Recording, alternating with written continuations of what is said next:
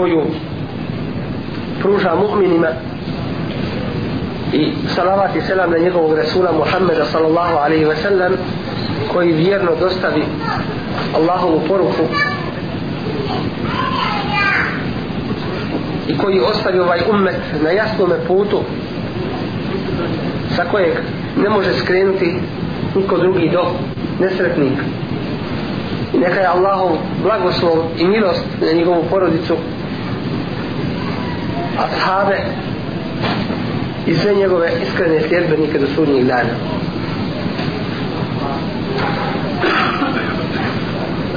Molim uzvišao tabaraka wa ta'ala da u ovom i ovim skupovima učini blagoslov i da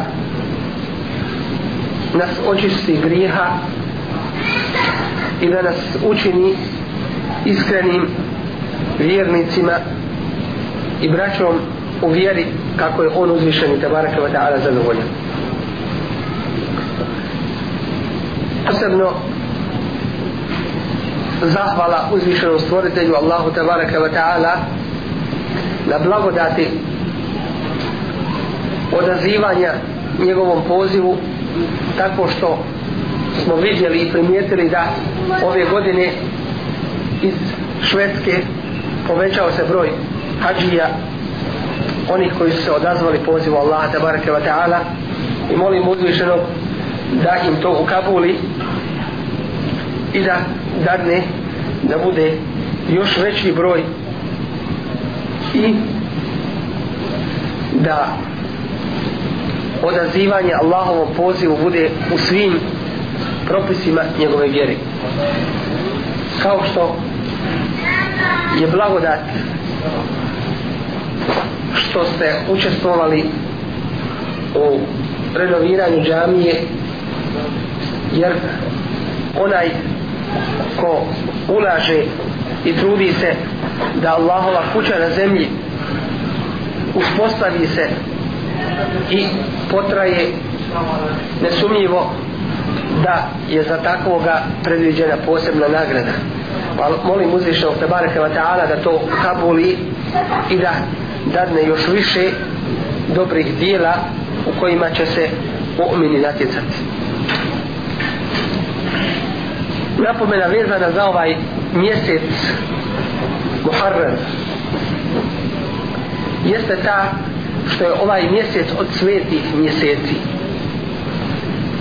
Četiri su sveta mjeseca. Zul Qiyada Zul Hidja Muharram i ova tri su uzastopno jedan iza drugoga a zatim četvrti mjesec koji je odvojen samostalan a to je Ređep. Kaže uzvišeni Allah inna iddete šuhuri inda Allah itna ašara šahran fi kitabillah. Broj mjeseci kod Allaha jeste 12 mjeseci u Allahovoj knjizi يوم خلق السماوات والأرض ندان كذا يستوريو نبسا يزمي منها أربعة حرم od toga su ili od njih ili među njima su četiri svijeta zalike dinu qajim to je Allahova postojana vjera fala tazlimu fihinna anfusakum pa nemojte u njima u tim svetim mjesecima sebi nepravdu činiti. Nepravdu nije dozvoljeno činiti u bilo kojem vremenu i bilo kojem mjestu. Ali nepravda učinjena u svetim mjesecima je veći grijeh i teža kod Allaha tabaraka wa ta'ala. Kao što su dobra djela u svetim mjesecima više vrijednovana i bolje nagrađene kod uzvišenog stvoritelja. Rasulullah a.s. sallatu i u svojim sahih hadisima podstakao da se posti ovaj mjesec. I nazvao ga je Allahovim mjesecom. Iako su svi Allahovi mjeseci ali u ovom slučaju se izražava vrijednost i važnost ovog mjeseca. Time što se odaziva Allahovim mjesecom to jeste počašćen je tim što je prirodat uzvišenom Allahu tabaraka wa ta'ala. I zato čovjek treba da se potrudi u ovome mjesecu što više da posti. Ovo što je važno za ovaj mjesec jeste ovaj veliki događaj koji se desio dva, desetog Muharrema kada je uzvišeni Allah spasio Musa i njegov narod od faraona i uništio faraona i njegove vojske. Pa je Boži poslanik ali sad sam postio taj dan kao što ga je postio Musa ali i selam i zahvalnosti Allahu tabaraka wa ta'ala. On ove godine pada na pada u nedelju to jeste sutra. Dakle u sutrašnji u, u sutra u sutrašnjem danu ali prije nekoliko hiljada godina uzvišeni Allah je spasio Musa a.s. i njegov narod Rasulullah a.s. je postio taj dan i rekao da post toga dana briše grijehe koji su učinjeni u prošloj godini post desetog Muharrema ili Jevmu Ašura briše grijehe koji su učinjeni u protekloj godini. Si na male grijehe. Jer se u drugim hadisima Resul a.s. napominje i kaže među tuni betir kebair čuvajući se velikih grija dakle onaj ko se bude čuvao velikih grija budu oprašteni njegovi grijesi to jeste mali grijesi. Od džume do džume od Ramazana do Ramazana od umre do umre brišu se grijesi kada se čovjek čuva veliki dakle brišu se mali grijesi. Tako iz ovoga hadisa shvatamo da se ovo obećanje odnosi na male grije brisanje malih grijeha koji su počinjeni u protekloj godini. Tako jedna velika pouka koju možemo iz ovoga uzeti jeste da je u vremenu prije nego što je spašen Musa a.s. sa svojim narodom da su živjeli u vrlo teškim uslovima proganjani od faraona zlostavljani uzimani za roblje i tlačeni najgorijim vidovima ponižavanja Ta, to je i nama pouka da ova vjera zahtjeva požrtvovanje zahtjeva trud i napor. I ovaj svijet na kome smo mi danas on je kratak i prolazan. I nije svijet nagrade već svijet rada. Mjesto gdje se radi i zarađuje da bi se dobila nagrada na budućem svijetu teški trenuci su dolazili i drugim Allahovim poslanicima. Zar Muhammed sallallahu alaihi wa sallam nije bio u takvoj situaciji? Kada su se dogovarali oko njega da ga zatvore da ga okuju ili da ga ubiju ili da ga protjeraju. Zar to ne rade od daija od boraca na Allahovom putu i dan danas? Ali ovo nam je jedna velika pouka i poruka iz istorije Islama da je ovo jedan Allahov zakon da nakon teških situacija dolazi razgala olakšica i da dolazi Allahova pomoć i pobjeda. Muza alaihi selam izašao sa svojim narodom.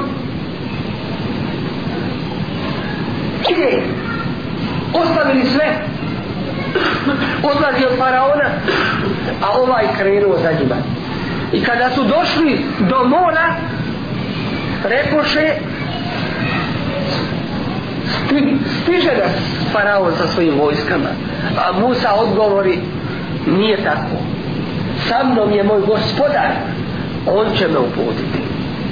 Pa mu Allah objavi udari štapom svojim od more.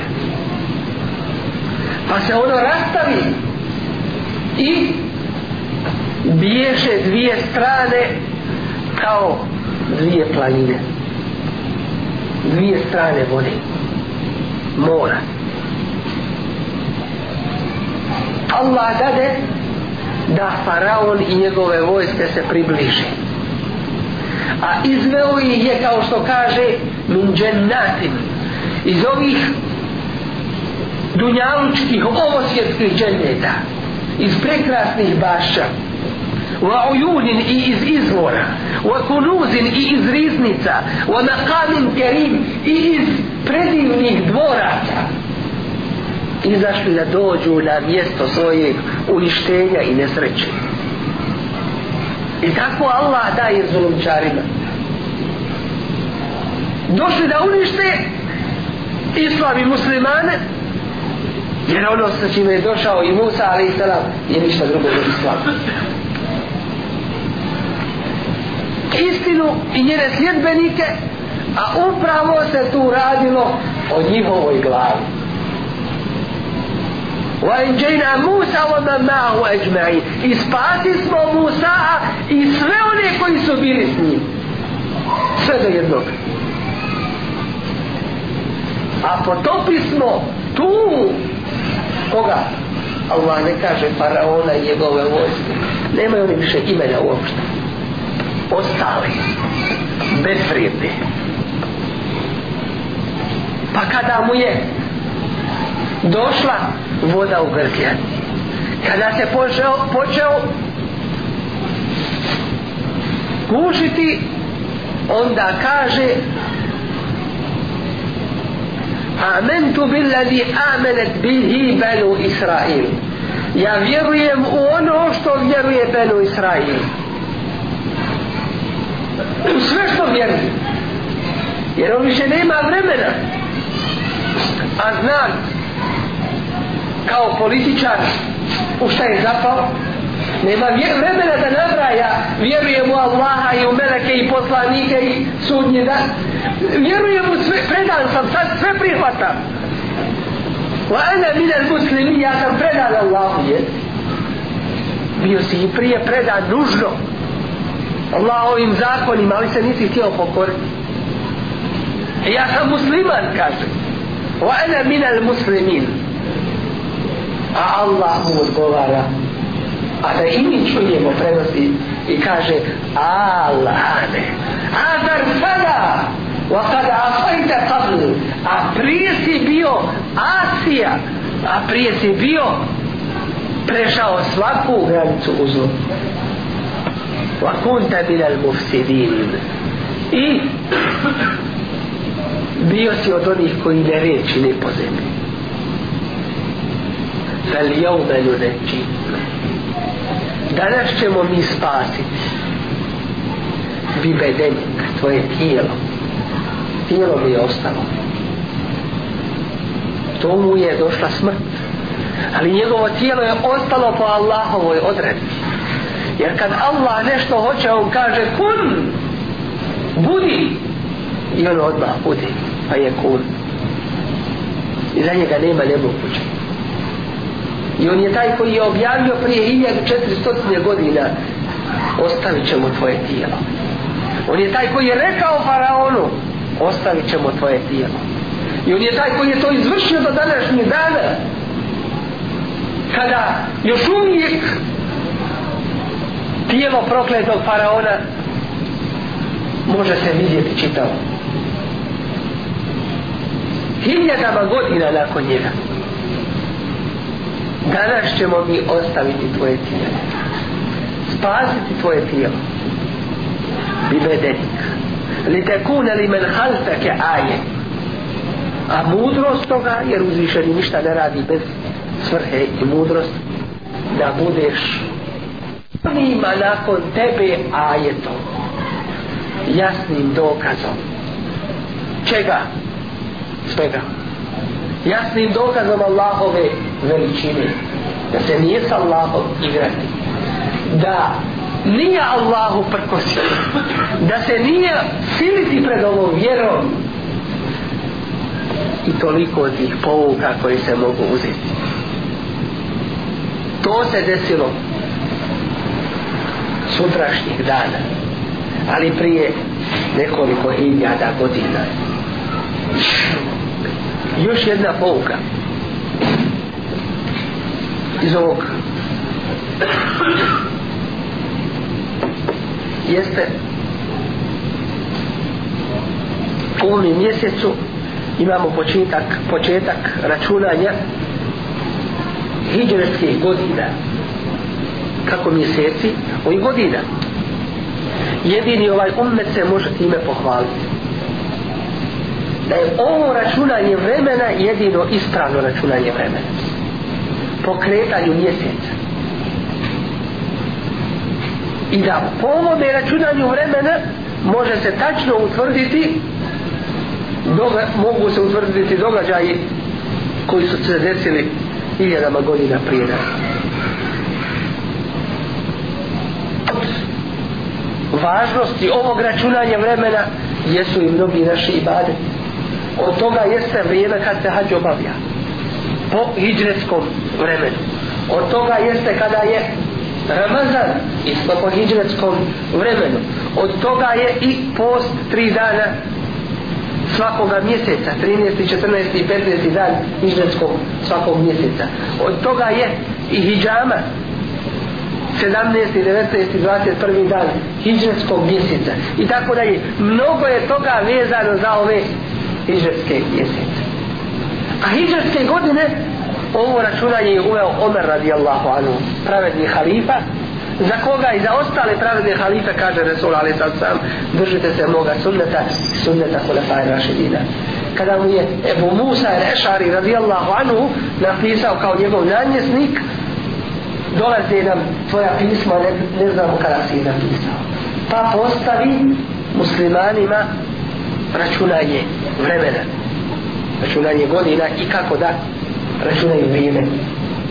Pa se posavjetao sa ashabima i uzeo ovaj veliki događaj to je događaj Hidžre. Allahovog poslanika ali sad sam uzeo je za računanje vremena.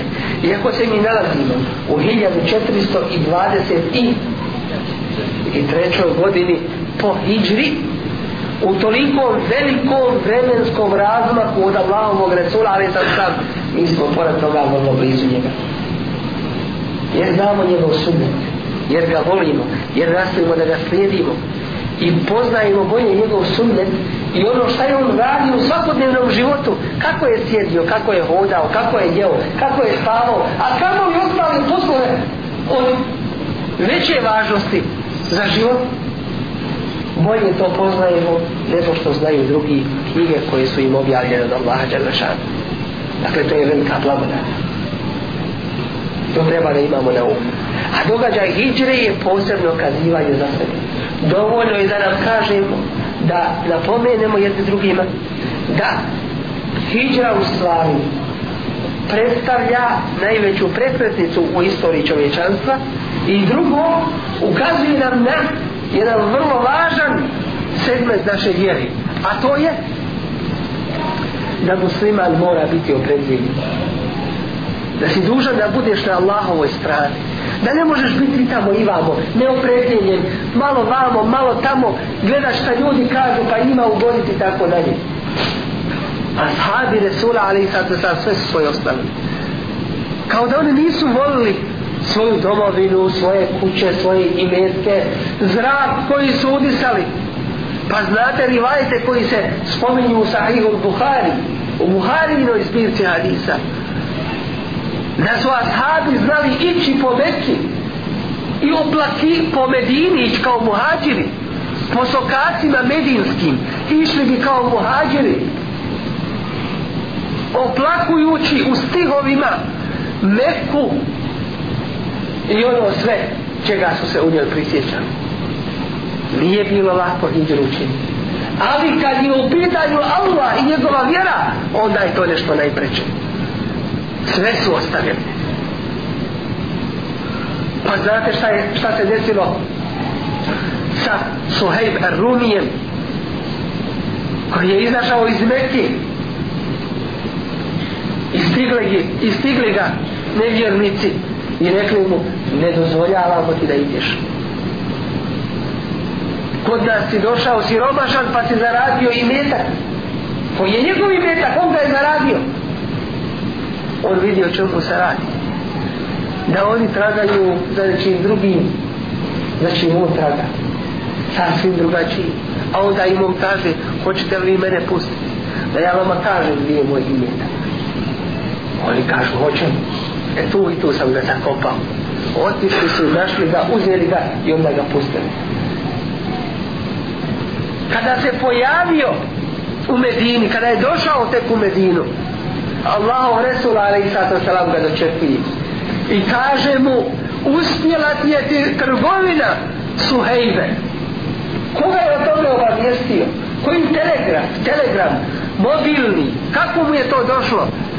Ništa su ta sredstva informisanja prema onome što dolazi od uzvišenog stvoritelja Allaha da bare Allah ga obavijestio. Doći, ti, doći će ti čovjek od tvog umeta koji je založio sam svoj imetak. Za šta? da hiđu uči dao sve. Da ostane bez ičeg dunjalučkog jeste. Ali da dobije sve ahiretsko ta hijra i po njoj to što se računa vrijeme i godine kod nas muslimana nam ukazuje na važnost toga da musliman je dužan raditi za ovu vjeru. I kada mu dođe vjera u pitanje onda više šta ti vrijedi ovaj život na ovom svijetu. Onda čini hijđu onda ne možeš biti na tome na čemu si hijra i opredjeljenje za ovu vjeru. To je jedna isto velika pouka. Molim Allah da baraka da nas pouči ovim lekcijama iz istorije Islama i da nam oni budu vodiljom na našem putu ka Allahu da baraka wa ta'ala. Još jedna napomena ovdje. E, vidjet ćemo da neki ljudi idu u jednu a drugi u drugu krajnost nama muslimanima ništa drugo nije propisano na dana Ašura do post toga dana. Znači vidjet ćemo jedne da izlaze na ulice pa skidaju svoju odjeću pa se udaraju po tijelima pa oplakuju neke događaje iz istorije Islama nariču proklenju i tako dalje. A opet druge dakle jedni žale a drugi se opet raduju pa prave posebna jela koja nazivaju po tome danu Ašura i tako dalje. Ništa to nema u Allahovom zakonu. Niti ima posebnih riječi koje se tim danom izgovaraju niti nekih pozdrava i tako dalje. Nijedno ni drugo nema osnove u Allahovoj tabaraka wa ta'ala vjeri. I zato dužnost nam je držati sunneta u pogledu toga i ne ići ni lijevo ni desno i to je taj srednji umjereni put to jeste put onakav kako ga je zacrta uzvišeni stvoritelj u kome nema niti dodavanja niti oduzimanja bilo čega. Nema stranjanja, nema desno, nema lijevo ići. Onako kako je bio i živio Resulullah s.a.v. to je taj srednji i to je taj umjereni ne kao što možemo čuti od nekih da je umjereni put put između istine i neistine. Ne nego je to put, pravi put u kome nema pretjerivanja a ono što je radio Resulullah sam nije pretjerano već je to ispravno i najispravnije kako može biti. Drugo pitanje o kojem vidim da je vrlo važno da se progovori ovom prilikom jeste je koje se često spominje ali se vrlo rijetko tumači. A i to se dešava. Danas smo u, u Orebru ovdje u Švedskoj govorili o važnom pitanju.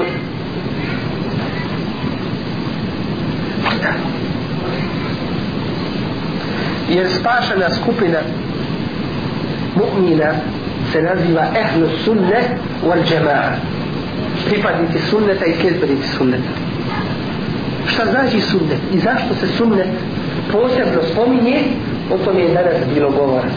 I zainteresovani može, mogu potražiti o tome kasetu da se okoriste. Sada bih volio da ukratko progovorim o temi koja se zove El Džema'a a to je džemat šta je džemat i ko je džemat i ko se smatra džematom? U šarijetskom smislu? I koje je to značenje kada kažemo ehlu sunne wal, wal džema'a? Džema'at u osnovi arabskog jezika znači skupine. Nešto što je sakupljeno. Definicija džema'ata u terminološkom značenju jeste da je to skupina vjernika mu'mina koji su se okupili oko istine i koji su na njoj ustrajni. To je osnovno značenje džemaata. Dakle džemaat u šarijetskom značenju označava put pravi, pravih mu'mina put pravih vjernika. Džemaat ukazuje na sakupljanje a samo sakupljanje nam govori o o jedinstvu i zaista kada se vjera primjeni onakvom kakva ona jeste to vodi ka jedinstvu. Kao što kaže uzvišeni tabaraka wa ta'ala inna hadihi ummetukum ummeten wahide. I ovaj vaš ummet jeste jedan ummet. Wa ene rabbukum a ja sam vaš gospodar.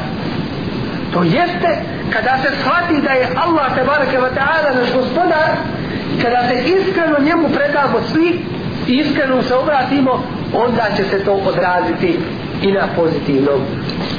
Ovdje rezultatu našeg umeta to jeste na našem jedinstvu. Doći kada jedni uzmu sebi za principe jedno a drugi drugo, treći treće i tako dalje, onda će se desiti ono što Kur'an kaže وَلَا تَتَّبِعُ سُبُلَ i nemojte ni pošto slijediti različite puteve fete frraka biku ban se bili pa ćete se razići sa njegovog puta Allahu te bar se vata što je vrlo opasno i to vodi kada je jedinstvo muslimana jedni uzimaju sebi za princip i kažu mi ćemo da radimo i da oživljavamo ono što su naši predci radili. Šta god su oni radili i mi ćemo to raditi. Zašto to radite? Kažu zato što su to naši predci radili a mi mi slijedimo. Drugi kažu mi smo uspjeli da ostanemo i ostanemo i u komunističko vrijeme. Uspjećemo i u ovome vremenu.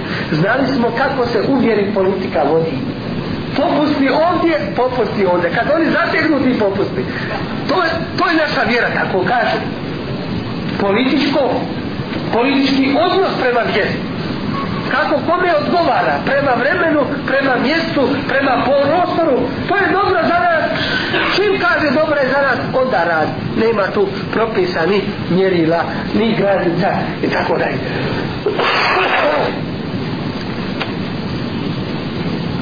ćemo opet reći koji uzimaju samo jedan dio islama a ostavljaju druge dijelove. I kažu ljudi nama je najvažnije i najpreće da mi uspostavimo hilaf kad njega uspostavimo sve će lako kasnije biti. Uzimaju jedan dio islama i gotovo. Drugi kažu samo zikr. U džami sjedi Allah će rijeti sve probleme. I tako dalje, tako dalje nemojte slijediti različite puteve Slijedite onaj ispravni put wa enne hada sirati mustaqima i ovo je moj pravi put fettebi'uhu pa njega slijedite nema drugoga što se tiče jednih Kur'an daje odgovor i kaže im وإذا قيل لهم اتبعوا ما أنزل الله قالوا بل نتبع ما ألفينا عليه آبائنا kada im se kaže slijedite ono što je Allah objavio oni odgovaraju ne mi slijedimo samo ono na čemu smo zatekli naše predke to je ono što slijedimo ništa drugo ولو كان آباؤهم لا يعقلون شيئا ولا يهتدون zar će i onda slijediti kada njihovi predci nisu imali razuma niti su bili upućeni nisu imali akla niti su imali nakla. Niti su imali shvatanja da shvate istinu niti su imali objave pa da je prihvate. La jakirun wa la jehtedun nijedno ni drugo. Ne može. Dolazimo do druge opcije. Do drugog shvatanja islama toga politikanskog i zato ima Kur'an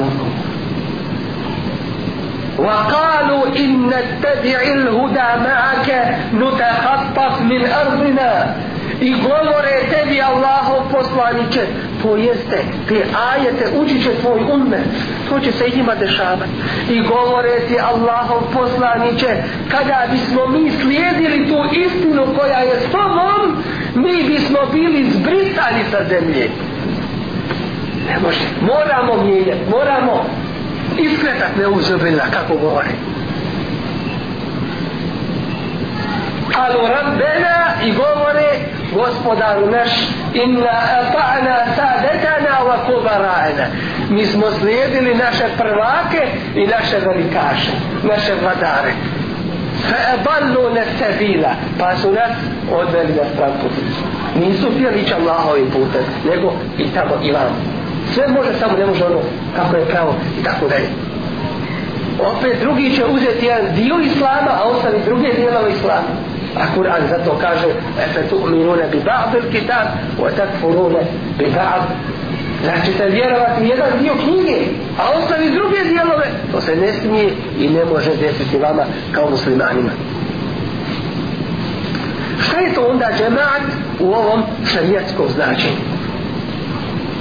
To je ono što odgovara istini. Kao što je mnoga ulema u prošlosti rekla el džemaatu ma wafaqa al haqqa walau kunta wahdek džemaat je ono što odgovara istini što se slaže sa istinom makar sam bi to je taj džemaat ovaj ummet i nazvan džemaatom po sahih hadisima Resula sallallahu alaihi wa sallam u kojima se kaže sa jedne strane alaikum bi džemaat. Držite se džemaata.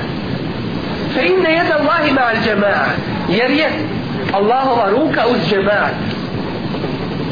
A kada je pitan o tome a šta? Ako muslimani u tome vremenu ne budu imali svoga predvodnika odgovorio je držite se sunneta po drugim rivajcima držite se džemata a džemata to jeste onoga na čemu su bile prve generacije ovoga umeta to je to i svakoga onoga ko bude na tome pravcu uzvišeni Allah kaže وَمَنْ يُشَاقِقِ الرَّسُولَ min ba'di ma tabayyana lahu al-huda a onaj ko se bude suprotstavljao Allahovom rasulu. Nakon što mu je istina postala jasna. Wa yattabi ghayra sabili al-mu'minin i slijedi neki drugi put mimo puta mu'mina. Nuvallihi ma tawalla. Mi ćemo ga okrenuti tu gdje, gdje je on krenuo. Wa nuslihi jahannam. I da ćemo ga da se pati u džehennemskoj vatri.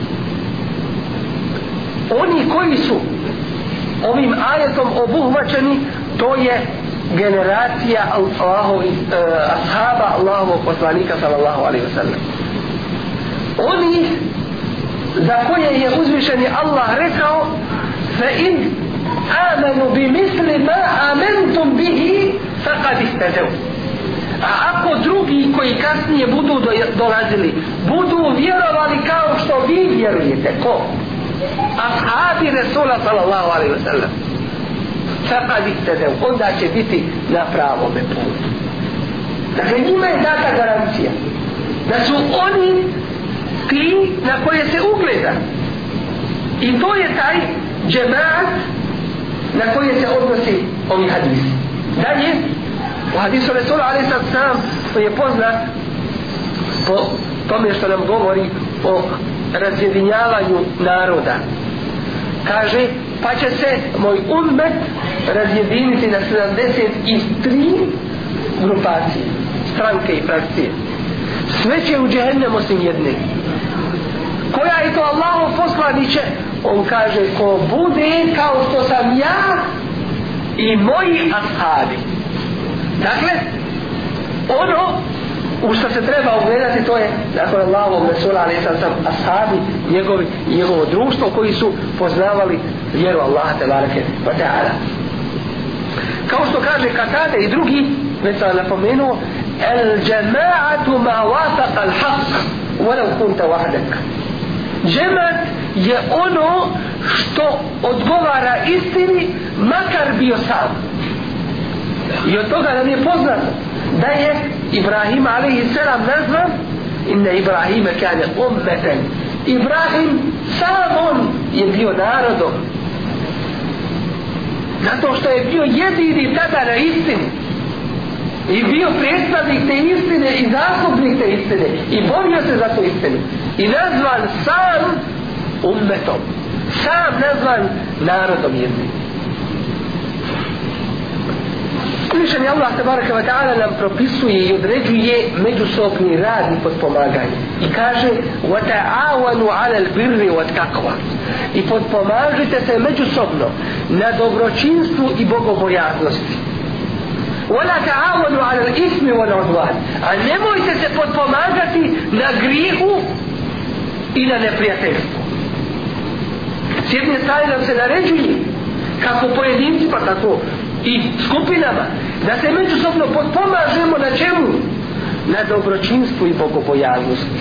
na svim hajirni korisnim akcijama na korisnim dersovima na poukama i tako dalje a ne na čemu na grijehu a na ismi to jeste na koncertima muzike na kamatama da se džamije od toga prave na u gibetu muslimana na prenošenju riječi na nedozvoljavanju versova da se u džamijama drže na okrivljavanju iskrenih mu'mina da su sektaši, plaćenici i tako dalje.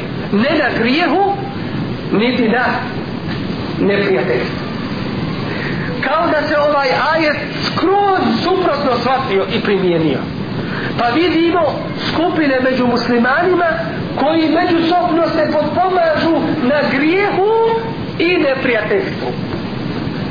A neće da se potpomažu na dobročinstvo i bogobojaznost to je taj princip džemata na kome je jedan džemat uspostavlja se i obstoji i taj džemat je jedinstven džemat. I nisu podijeljeni džemati. To nisu frakcije niti partije to je to su skupine mu'mina koji nose iste principe. Samo zbog udaljenosti mjesta njihovu raštrkanost u kojoj danas živimo zovu se džematima ali oni su u stvari jedan džemat a ako se desi da pripadnik jednog džemata voli svoga pristašu pripadnika i tako dalje zbog toga samo što je on sa njim to je ono što je najstrože zabranjeno u islamu što vodi u partijašenje i podvajanje. To je da smo uzeli nešto drugo mimo Allahove vjere za princip el wala wal bara pristrasnosti i podpomaganja sa nekim ili udaljavanja od nekoga. Onaj princip kao što je upitan šefor islam Ibn Taymiye koga treba svaki musliman da primjenjuje u pogledu svih muslimana i skupina i džemata i tako dalje jeste da budeš blizak svakome od njih u onolikoj mjeri koliko se drže Kur'ana i sunneta i shvaćanje Kur'ana i sunneta kako su ga shvaćali od i da im ne budeš blizak i prisan u onolikoj mjeri u kolikoj oni krže Kur'an i sunnet i shvatanje ashaba Kur'ana i sunneta. Zašto su prokleti Benu Israil? Izraeličani zašto su prokleti? Zbog toga što bi jedan od njih vidio drugoga da čini neko zlo grijeh i haram pa bi mu danas rekao što to radiš? Zašto to činiš? Ne valja to a sutra ga to ne bi spriječilo da zajedno sa njim sjedi i živi u običajenu zbog toga su prokleti onaj ko potpomaže posjednika bidata i novotarije onaj koga potpomaže i sa njim sarađuje i prijateljstvo mu izražava takav pomaže rušenju vjere. Hadis Resula ali sad sam vrlo jasno kaže wa iyakum wa muhdathat al-umur i dobro se čuvajte novotarija u vjeri. Jer je svaka novotarija u vjeri dalalet a svaki dalalet vodi u džehennem. Dakle ova vjera ima svoju svetost. I ne smijemo na osnovu propagande ili onoga što nam se danas pruža ne smijemo mi biti ti koji svojim rukama rušimo svoju vjeru. Da kažemo ja ću biti dobar sa ovim ili sa onim pojedincom ili džematom na osnovu svoje vjere. Taj džemat i pripadnost nekom džematu isto tako ne gradi se na osnovu nacije pa ti si rođen tu u toj zemlji ti moraš biti pripadnik toga džemata. A Arab će ima svoj džemat a Turčin svoj i svaki ima svoju vjeru. Kullu hizbim bima ledejim farihun i svaki je zadovoljan s onim na čemu je. Bošnje imaju svoju vjeru Albanci svoju Turci svoju, Arapi svoju, kao da su to drugi objave i drugi poslanici i drugo sve. I ne daj Bože pomaga drugi džemat i ne daj Bože raditi sa drugima i tako dalje. Ko je uspostavio te nacionalne, lokalne podjele i tako dalje? Gdje je to u Allahovoj knjizi? Gdje je to u sunnetu Rasula, ali sad sam toga ne ima. Makar bio dakle na kraju dunjaluka, ako je on ispravan on ti je bliži nego ne znam koliko kriši i taj princip jeste princip ujedinjenja muslimana kada se raziđu muslimani u nečemu kao što Kur'an kaže fe in tenazatum višej ako se raziđete u nečemu farutuhu ila Allahi wa rasul. Onda se obratite Allahu i njegovom rasulu. Dakle Kur'anu i sunnetu. In kuntum tu'minuna billahi wal yawmil akhir. Ako vjerujete Allah i sumnji dan to jeste ako tako ne učinite u pitanju je vaše to što govorite. Vjerujemo Allah i sumnji dan izgleda je to samo na jeziku a islam to, islamu to nije dovoljno. Hoće i srce i jezik i dijela da potvrde to što govoriš. I danas mi imamo u pogledu takvog svačanja islama slučajeva gdje se ističu hadisi koji govore o džemaatu koji su opšte karakter ili se ističu hadisi koji govore o džemaatu muslimana kada postoji halifa koji izlazi iz takvog džemaata muslimana i radi protiv halife. Kao što se desio slučaj kod neki koji su uzeli da rade protiv halife muslimana. Takav izlazi iz džemata muslimana po tim hadisima. Ili ti hadisi ukazuju na džemat muslimana koji u stvari znači okupljanje oko istine okupljanje oko istine i to je taj džemat jer ne može se desiti islamu da ti naređuje nešto a u isto vrijeme on to što ti naređuje zabranio ti ne može biti. Allah ti zabranio da griješiš a s druge strane ti naređuje da budeš u džematu.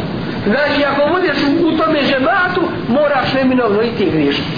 Ili šutiti a šutnja pred neistinom je okvalifikovana i okvalifikovan onaj koji je prisutan tu i govori se neistina da je on šeitanun ahres da je on nije mi šeitan. Koji sluša neistinu a šuti.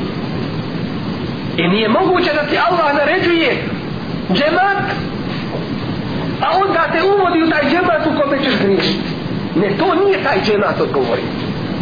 I zato je ova skupina nazvana ehlu sunnet. Pa pogledajte to rađenje sunneta i zašto pa sunnet? I el džemaat. el džemaat u ovome smislu jeste to je skupina koja je jedinstvena. Kroz istoriju islama. Kakvi su bili ashabi do sudnjega dana. Jer se vjera ne mijenja. Promjenom mjesta i promjenom vremena i ljudi ostaje ista, originalna kakva jeste Bare kod nas muslimana a drugi radili su i radi šta hoće i zato će Inače ono što sam prije rekao, kada biste mi dali sunce u desnu, a djete u u ruku, to jeste ne samo to što nudite, nego i ono što nemate. Kad ste mi to dali, ja ovo ne ostavljam. Pa su onda došli miskini jednici i kažu, daj da se nagodim. Nemoj biti takav. Daj jednu godinu ti, jednu godinu mi.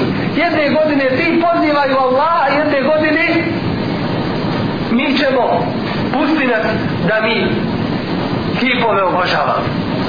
Pa Kur'an onda nije htio ušutiti. Kul ja ejuhel kafirun odgovori mu toj suri. O kafir, nema ništa. Nema tu popuštanja nije to moje lično pravo, niti ovog muftije, niti onog reza, niti ne znam koga na dunjalu. Mi znamo da se Allah ovom poslaniku kaže وَلَوْ تَقَوَّلَ عَلَيْنَا بَعْضَ الْأَقَوِيلِ Da je nešto rekao nama ovo je Allahovoj vjeri le hazna minhu bil jamin uzeli bismo mu njegovu desnicu. Summa le kapana minhu lvatin zatim mu presjekli u tome času žilu pucavicu njemu Allahovo poslani da je bilo šta rekao o Allahu i Allahovoj vjeri ono što nije objavljeno. A neki misle da mogu raditi šta hoću. I ako ti kreneš da uradiš ispravno i da se angažuješ i žrtvuješ za ovu vjeru na nekom drugom mjestu. A ne na tom gdje ti ne, da, ne daju i ne dozvoljavaju kažu e on ruši džemat. On je protiv džemata. On ruši zajednicu. On je protiv zajednice. Koje zajednice? Hilafeta ili nacionalne zajednice ili zajednice okupljene na bidatima i novotarijama? Vallahi gdje god je hajr mi ćemo priskočiti inša Allah da ga pomognemo. I ne predstavljaju nam ljudska imena ništa. Hoće li biti Alija, Mustafa, Husein, ova ili onaj? Pa nam uopšte nije bitno jer se ne grabimo za vlast. Onaj ko će biti ispravan bujnu nek nosi bajrak ali Boga mi ako neće ne damo nikome pardona jer to je Allahova vjera. I to nije naše privatno. I zato pogled ovoga principa ili džemata musliman mora biti vrlo jasan.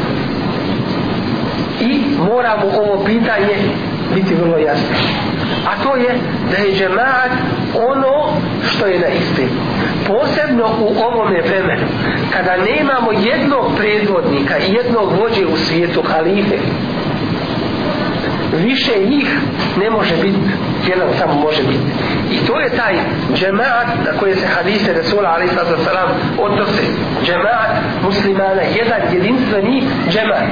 U slučaju podijeljenosti u kakvoj smo mi danas onda nam je dužnost da se potpomažemo sa muslimanima u onolikoj mjeri u koliko se oni drže Kur'ana i sunneta i shvaćanja Kur'ana i sunneta onako kako su to učinili ashabi Resula sallallahu alaihi wa sallam i na nama je isto tako odgovornost i velika obaveza širenja ove Allahove vjere i rada za ovu Allahovu vjeru. I da ne posustajemo na Allahovom putu.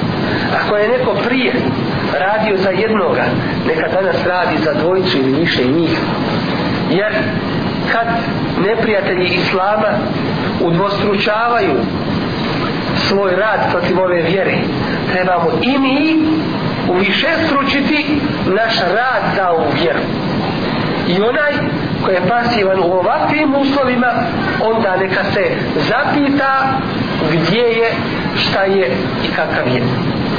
Prije svega svak treba o sebi da povede računa o svome imanu i o svome opredjeljenju za Allahovu vjeru o svome znanju ove vjere. Jer se ne može vjerovati samo po osjećajima jer se ne može biti musliman samo po nasljedstvu, nasljeđivanju već po jakinu i ubjeđenju.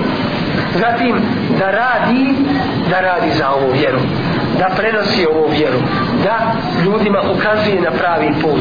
Prvenstveno onima koji su oko njega svojoj rodbini, svojoj porodici a zatim drugima. Zatim da radi po tome i da svojim primjerom pokaže i dokaže ispravnost ove Allahove te baraka ta'ala vjeri zatim da je brani na svakom koraku jer je ona danas napadnuta. Ne samo od strane Allahovih neprijatelja otvoreni već i od strane onih koji nemaju znanja o ovoj vjeri. Pa im sunnet se čini kao da je nova vjera. Pa se uspostavljanje vjere čini kao da je to nešto novo što se uvodi u nju a ništa to nije drugo do oživljavanje izvornog islama onako kakav je i objavljen. Gledajte i nastojte nemojte da zaboravite na svoju braću na istoku i zapadu koji su proganjani radi Allahove tabaraka wa ta'ala vjeri najveće iskušenje koje može čovjeka zadesiti jeste musibet u vjeri. Jeste iskušenje u vjeri. Da čovjek popušta u svojoj vjeri. Resulullah s.a.v. nas je obavijestio da će doći ljudima vrijeme kada će lahko gubiti svoju vjeru. Kada će svoju vjeru davati i prodavati za ovo svjetske dunjalučke koristi. Pa kaže doći će vrijeme kada će čovjek osvanut kao musliman a omrknut kao nemusliman kao nevjernik. I omrknut kao musliman a osvanut kao nevjernik. Kako to Allahov poslaniće kaže je bio dinahu bi aradim mine dunja prodavat će svoju vjeru za ovo svjetsku korist. Dakle ako će držati do svoje vjere i neće se boriti za nju, neće se truditi za nju, bit će pasivan u pogledu islama i muslimana, bit će mu svejedno šta god se radi, šta god se dešava, neće nastojati da radi za džemaat muslimana, za ispravnost toga džemata već će gledati po strani što se radi i biti neodgovoran u pogledu svega ovoga. Molim Allah da baraka ta'ala da nas u našoj vjeri učvrsti da nas ojača da nam ukaže na istinu i da nas obskrbi njenim slijedženjem i da nam ukaže na neistinu i obskrbi nam nas udaljavanjem od toga.